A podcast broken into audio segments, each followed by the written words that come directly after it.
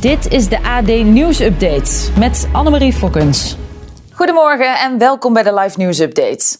Het aantal inbraken, overvallen en straatroven is door de strenge coronamaatregelen historisch laag. Tegelijkertijd explodeert het aantal aangiftes van online misdaad. AD-verslaggever Raymond Boeren. Hoe spectaculair zijn de cijfers? Ja, echt heel spectaculair. We zagen het vorig jaar al. Hè. Toen was er natuurlijk ook al corona en toen daalden die cijfers ook al. Maar nu zijn ze toch weer verder gedaald. Uh, vergeleken met dezelfde periode 2019, dus het, het pre-corona-jaar. Inbraken gingen met 42% naar beneden. Straatroven met 36% en overvallen met uh, 42, uh, 43%. Jeetje, dat is inderdaad heel flink. En is dat dan helemaal terug te voeren op die coronamaatregelen? Ja, volgens, uh, er zijn twee dingen. We hadden natuurlijk uh, nog strenge coronamaatregelen begin dit jaar. de avondklok tot, tot eind april. Uh, maar het thuiswerken volgens de politie heeft echt een hele grote bijdrage geleverd. Uh, vooral voor inbraken. Bijna iedereen was thuis. En uh, er was ineens veel meer toezicht in de wijken. Dus ja. mensen die, die belden naar de politie. En die, ja, inbrekers voelden zich in de gaten gehouden. Er komt bij dat heel veel inbrekers ook gelegenheids uh, dieven zijn. Dus als de kans zich voordoet, slaan ze toe. Is de, kans, uh, is de pakkans te groot, dan laten ze het al snel zitten. Okay. Bij overvallen zag je natuurlijk uh, heel veel winkels ook dicht. Of maar beperkt open, dus er viel daar ook weinig te halen. Ja, ja klinkt logisch natuurlijk. Aan de andere kant ziet de politie natuurlijk wel een opvallende verschuiving naar dat cybercrime gedeelte. Want hoe zit dat dan? Ja, dat is ook echt uh, spectaculair uh, gestregen. Uh, het, het, niveau nu is bijna hetzelfde als vorig jaar. Um, en volgens de politie zien ze ook een paar van die criminelen die normaal gesproken inbraken, straatroven, autokraken pleegden, nu ook in die wereld opduiken. Omdat het, zegt de politie, zo makkelijk is. Die software om uh, frauduleuze mailtjes mee te sturen, die is echt voor een appel en een ei te koop. Oh, wow. Je krijgt er zelfs nog ondersteuning bij van de hackers. Dus, dus ja, heel veel jongeren die normaal gesproken gaan, zouden gaan vakken vullen in, in, in een supermarkt, die denken waarom zou ik dat doen als ik op deze manier ook geld kan verdienen. Ja. Uh, en dat is uh, zorgelijke ontwikkeling volgens de politie. Nou ja, en het is natuurlijk misschien ook wel anoniem, hè? dus ze hebben ook niet het idee dat ze echt iemand iets aandoen. Precies, het is op afstand. Hè? Als je gaat inbreken, moet je toch een huis in van iemand. is veel confronterender. Je zou iemand tegen kunnen komen. Dit doe je veilig tussen aanhalingstekens achter je computer, want veilig is het niet. Je kan heel makkelijk alsnog opgespoord worden. Gebeurt ook regelmatig. Maar um, de drempel om dat te, te, plegen is een stuk lager. Oké. Okay. Maar ja, wat kunnen we dan zeggen? Komt het ooit zover dat de klassieke misdaad straks gewoon echt verleden tijd is? Als iedereen dit ontdekt heeft, zou je dat zeggen. Uh, de politie gaat er ook vanuit dat die cybercrime echt nog wel een flinke groei gaat doormaken. Maar die klassieke misdaad, uh, zeggen ze ook, die zal waarschijnlijk wel weer terugkeren. Omdat het thuiswerken natuurlijk ook langzaam wordt afgebouwd. Heel veel bedrijven staan het alweer toe om op kantoor te werken. Uh, en als die wijken weer leegstromen, zegt de politie, dan houden zij er echt wel rekening mee dat, uh, dat, die, uh, dat die dieven weer toe gaan slaan. Want dan is er ook weer meer gelegenheid. Ja, klinkt logisch. Dankjewel, Raymond Boeren. Vandaag gaat het hoger beroep van Willem Holleder weer verder. De Amsterdamse crimineel hoopt met de beroepszaak zijn levenslange gevangenisstraf van tafel te krijgen. Zus Astrid wordt gehoord als getuige en spreekt voor het eerst in het openbaar sinds de moord op Peter R. de Vries. Een misdaadjournalist bij het Parool Paul Vugs is vandaag aanwezig bij de zaak. Uh, Paul, ja, hoe groot was die rol van Peter R. de Vries in deze zaak? Nou, het was wel een voorname rol, omdat hij... Uh min of meer de getuigen uh, Astrid Holleder, haar zus Sonja en ex-vriendin uh, Sandra van, uh, van Willem Holleder heeft aangeleverd. Dus hij heeft echt wel een bijzondere rol gespeeld al in eerste aanleg. Is toen zelf ook als getuige verhoord, meerdere keren. die emoties liepen soms hoog op. Zowel bij de verhoren tussen Peter en de Vries en, en Willem Holleder als bij de verhoren van de zussen, met name Astrid en Willem Holleder. Ja. Um, ja, Peter heeft hier echt wel een een schaduw over de, de, de rechtszaal hangen weer. Uh, en uh, dat zal zeker uh, aan de orde komen aan de, bij het begin van de zitting. Wat voor consequenties heeft dat nou hij daar niet meer bij is? Zaaks inhoudelijk heeft het niet zo heel veel consequenties, denk ik. Want de getuigenissen zijn allemaal afgelegd en iedereen is uitgebreid verhoord.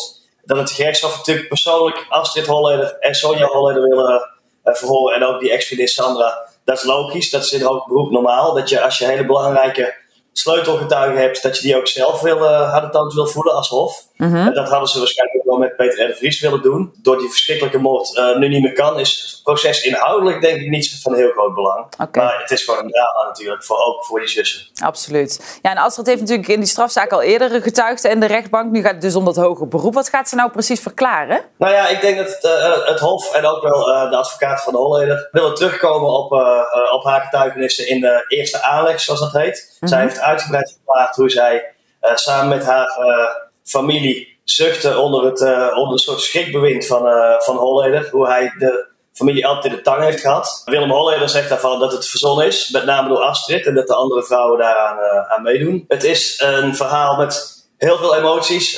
en het interessante is dat Astrid Holleder heeft heel lang als een soort hulp van haar broer opgetreden. En zij zegt dat in elk geval de laatste periode onder zware druk te hebben gedaan. Dat ze niet anders kon. Ja. Terwijl ja, Holleder stelt, je, hebt me altijd geholpen, het was altijd oké. En, uh, en uiteindelijk omdat jullie geld willen, dat heeft te maken met een deel van de erfenis van uh, de medeheiligopvoerder Co van Hout, die in 2003 is geliquideerd. En die met Soja Holleder uh, kinderen heeft. Mm -hmm. hij zegt, het is jullie om geld te doen. Jullie willen mij van het speelbord tikken en er zelf met het geld vandoor gaan. Dat is eigenlijk een van de verhalen die hij daar tegenover stelt. Maar hij zegt vooral dat het gelogen is. Ja. Op de achtergrond speelt ook nog dat er ehm, alle opnames zijn gemaakt door Astrid.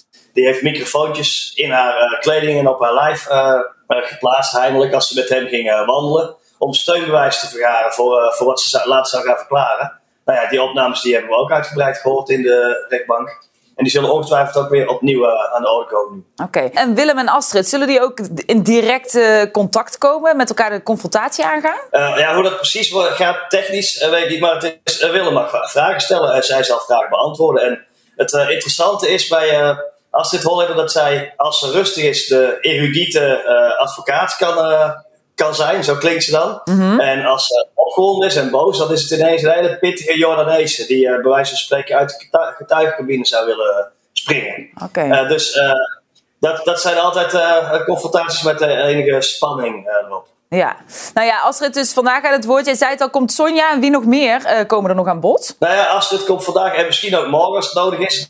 daarna Sonja inderdaad. Uh, Ex-vriendin Sandra moet nog uh, verhoord worden. Nog wat andere uh, getuigen, onder wie een crimineel. die eerder ook verklaring heeft afgelegd. En zo akkeren we nog een beetje door tot deze maand, volgende maand en dan in medio november is, als ik het goed heb, het uh, requisitor van het Openbaar Ministerie. En daarna mogen de advocaat uitgebreid pleiten. Oké. En uh, als ik het goed heb, is, de, is het vonnis nog niet uh, geagendeerd. Daar horen we misschien vandaag meer over, wanneer dat gepland is. Heel goed, Paul. Jij gaat het voor ons in de gaten houden. Dank je wel. Duizenden medewerkers in de academische zorg leggen vandaag 24 uur lang het werk neer. Het is de grootste staking in academische ziekenhuizen ooit, bij zeven UMC's door het hele land. En verslaggever Davine Lambert die staat bij het Universitair Medisch Centrum in Leiden. Ja, hier wordt de staking ook zo meteen afgetrapt. Davine, hoe is de sfeer daar? Ja, de sfeer is goed. Het lint is net doorgeknipt. Er stond hier net helemaal vol met allemaal mensen uit de OK, die recht uit de operatiekamer kwamen, om eventjes die, die dag van vandaag af te trappen. En naast mij staat Helen van Rijn. Helen, jij bent uh, IC-verpleegkundige. Klopt. Waarom ga jij vandaag staken? Voor een betere CAO. Het, uh, het bod wat, uh, wat de NFU heeft gedaan is te, te weinig. Ze boden eerst boden 0%, dat is minder dan niks. En nu zijn ze teruggekomen voor een bepaalde groep met uh, 3,5%, maar één jaar. Maar het is een tweejarige CAO, dus het klopt niet. Klopt niet. Moet, moet beter. Ja, moet ja. beter. En ook de werkdruk is, is heel hoog. Wat, wat merk je daar zelf van? De werkdruk is heel hoog, dat klopt. Ja, meer met minder noem ik het vaak. Uh, te weinig bedden of te weinig personeel. Ik denk het, uh, het, het laatste, te weinig personeel. We hebben al langere tijd gewoon bedden dicht. Ook al voor de corona hadden we bedden dicht. Nu, ja, het is echt onder de loep gelegd, ook door corona, dat we gewoon met te weinig gespecialiseerde verpleegkundigen zijn. Dat geldt voor, voor alle ziekenhuizen. We moeten meer, dus we moeten een betere CAO, dat is een van de voorwaarden. Een beter generatiebeleid, lagere werkdruk uh, en, en uh, luister, praat met ons, niet over ons. En die staking van vandaag, wat, wat houdt dat precies in? Wat gaan de patiënten daarvan uh, ondervinden? De liggende patiënten die ondervinden er niet zoveel van. De zorg gaat gewoon door, alle acute zorg gaat door. Bij twijfel als iets, of iets acuut is. Is het acuut? Altijd in het voordeel van de, van de patiënt. Wat merken de patiënten ervan? Ja, ik denk meer aandacht nog door de collega's die op de afdelingen werken. We proberen wat extra te doen. Iedere afdeling heeft zijn eigen invulling. Wat ze gaan doen met de patiënt. Juist juist ook met elkaar. Hè. We hebben elkaar, het team is vaak uit elkaar gehaald door corona. We zijn, hebben op diverse afdelingen moeten werken. Uh, nu teambuilding. Uh, praat met elkaar, ga een spelletje doen als de dienst het toelaat.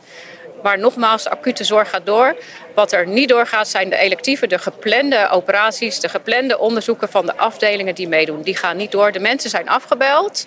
Dus dat is allemaal geregeld. En sommige uh, polyklinieken doen uh, niet mee. Dus die zorg gaat gewoon door. Die patiënten kunnen komen. Er is uh, vorige week bekendgemaakt dat er 675 miljoen extra naar zorgsalarissen gaat. Dat klinkt natuurlijk als heel veel geld. Ja. Maar waarom is dat niet genoeg? Uh, dat is niet genoeg, omdat uh, het, het is een begin. Laat ik, daar, laat ik positief beginnen. Het is een begin, maar voor wie is het? Het is nog niet ja, voor de mensen aan het bed. Uh, wie zijn de mensen aan het bed? Uh, dat is heel breed. Wanneer krijgen we het? Uh, het is een begin, laat ik het zo zeggen, maar het is te weinig. Het is veel te weinig. Ja, okay. uh, wat voor activiteiten gaan er vandaag nog meer plaatsvinden? Eh, hier voor de deur wordt er eh, gesport om 10 uur. sportlesje een half uur. Dus mensen heb ik, hebben geflyerd om hier te enthousiasmeren om hier te zijn. Om half één is er voor de deur een bijeenkomst met diverse sprekers vanuit het ziekenhuis.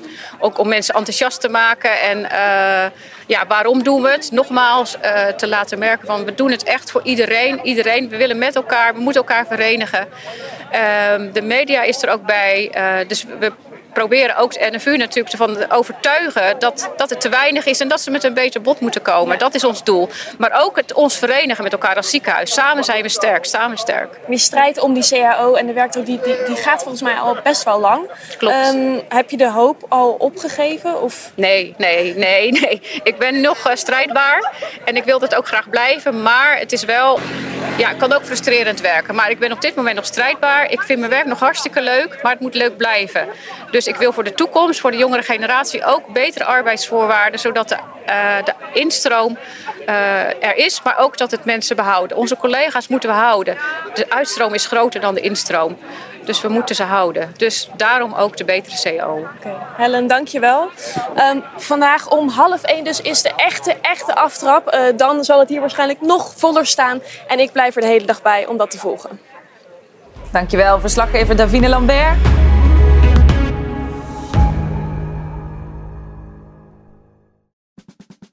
Luister ook naar onze podcast Politiek Dichtbij. In een half uur praten we hierbij over de stand van zaken op het Binnenhof. En niet alleen vanuit de wandelgangen in Den Haag, maar ook vanuit een regionaal perspectief. We zijn te vinden in onze app, op Apple Podcast en op Spotify. En wie zijn wij dan? Wij zijn Leonard Beekman en Tobias den Hartog.